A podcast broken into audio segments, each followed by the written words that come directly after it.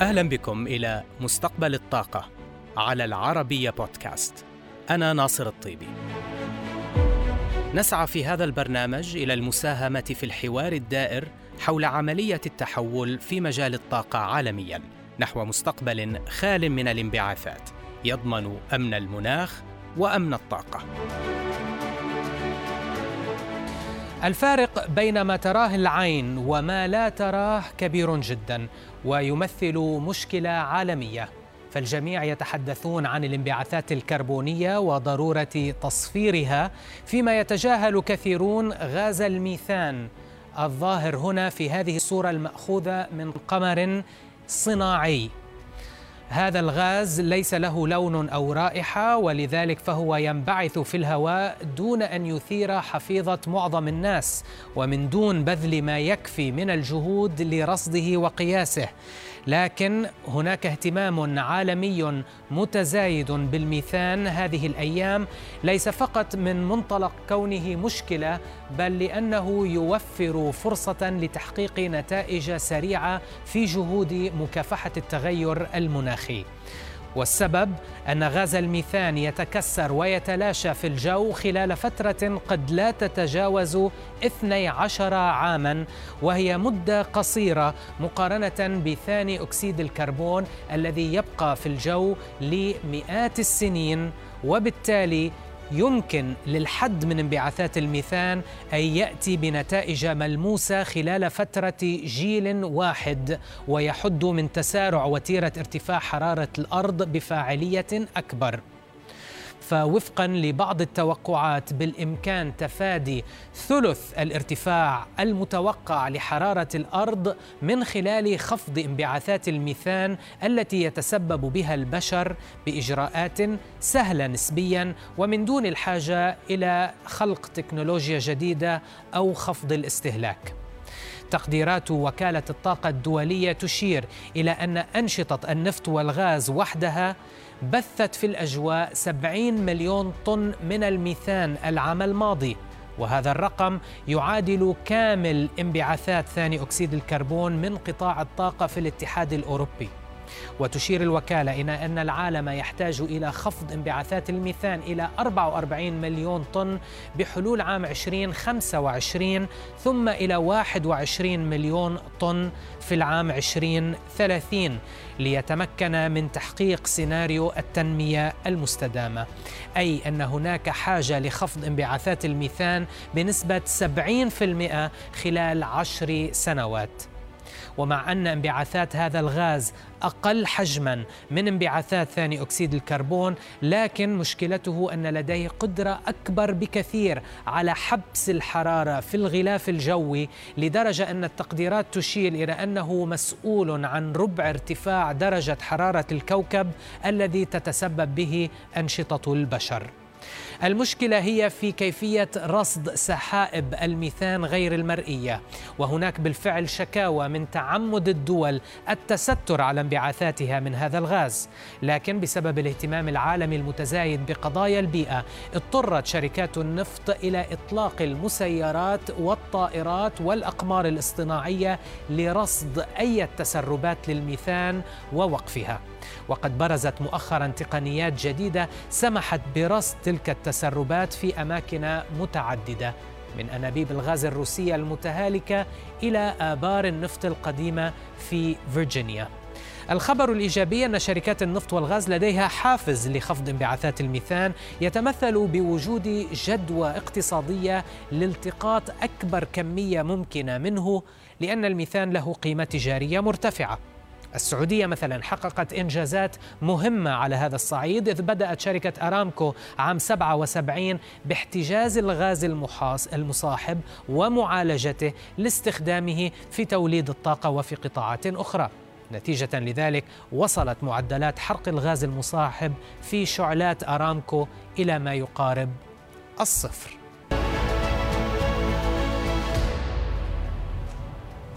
حول هذا الملف استضفت جوزيف ماكمونيغل وهو الأمين العام لمنتدى الطاقة العالمي.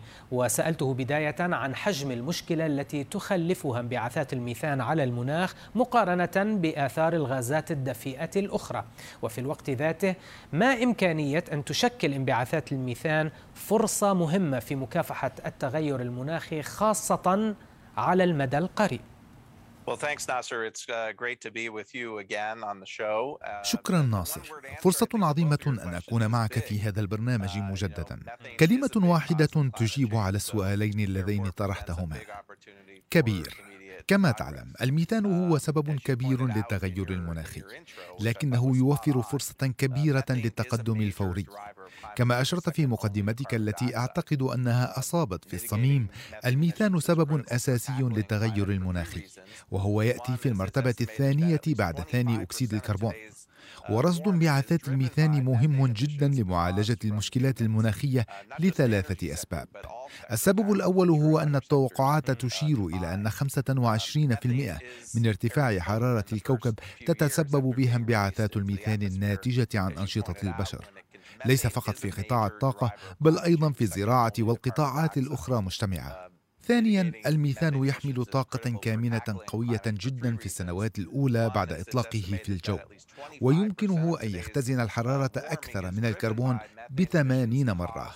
السبب الثالث أن دورة حياة الميثان في الأجواء لا تتجاوز 12 عاما في المتوسط بينما يظل ثاني أكسيد الكربون عالقا في الغلاف الجوي لقرون وهذا يعني أن خفض انبعاثات الميثان لا بد أن يحدث تأثيرا فوريا وملموسا على الاحتباس الحراري.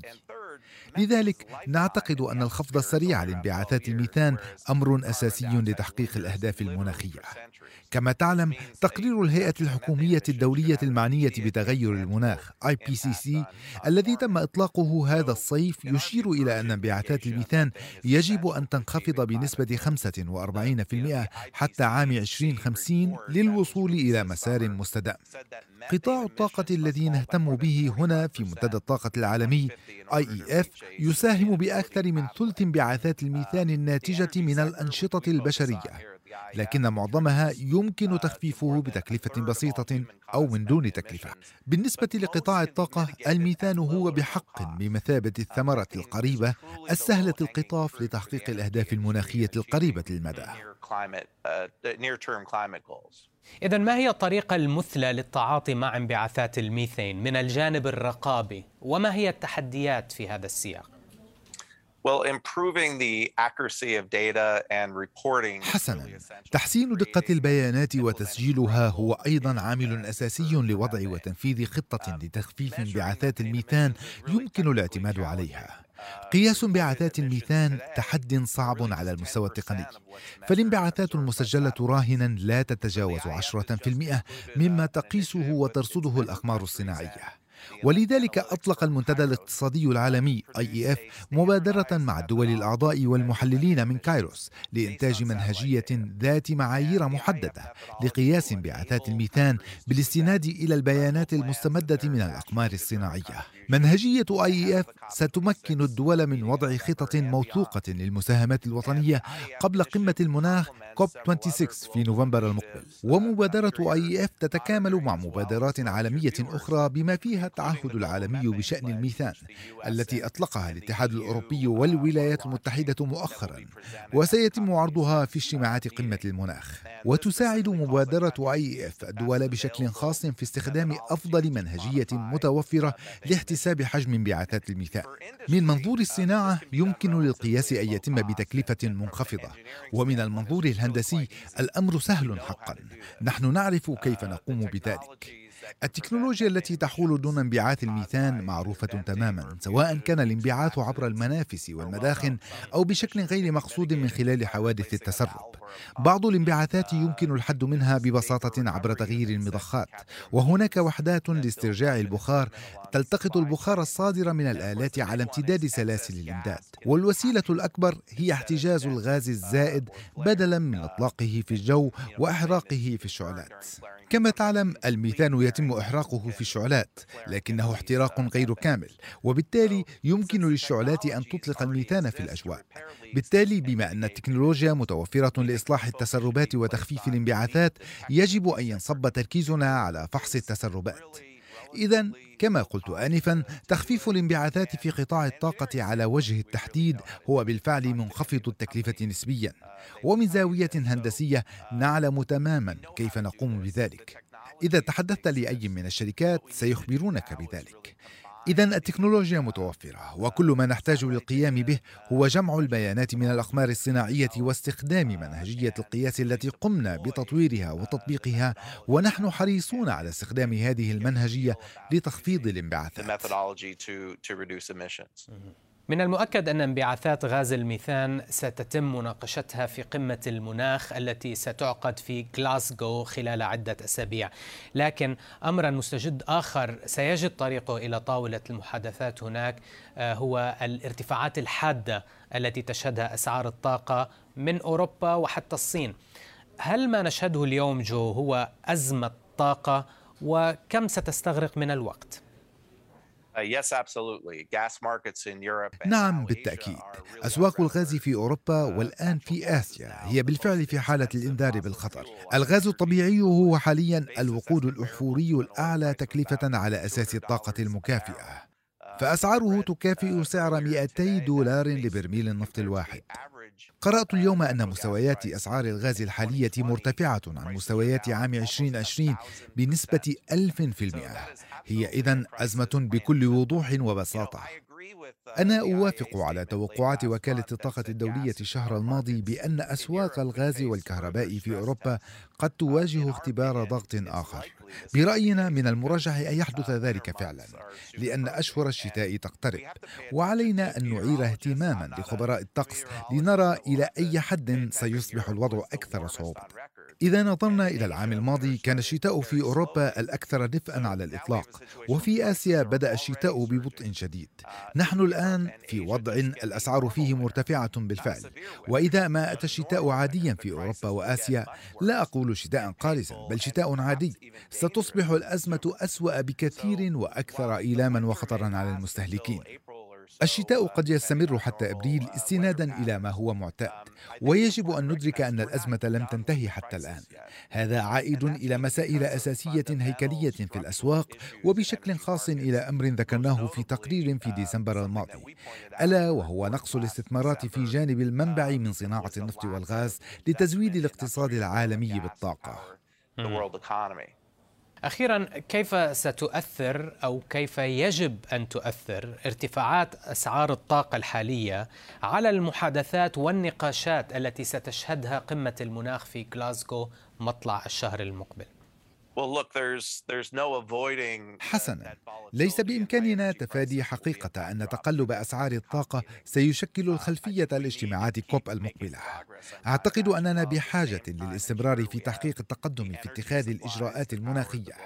لكن مع التأكد في الوقت ذاته من توفر الطاقة اللازمة لتشغيل الاقتصاد العالمي. ومن المهم برأينا الا ندع أزمة المناخ تتحول إلى أزمة طاقة.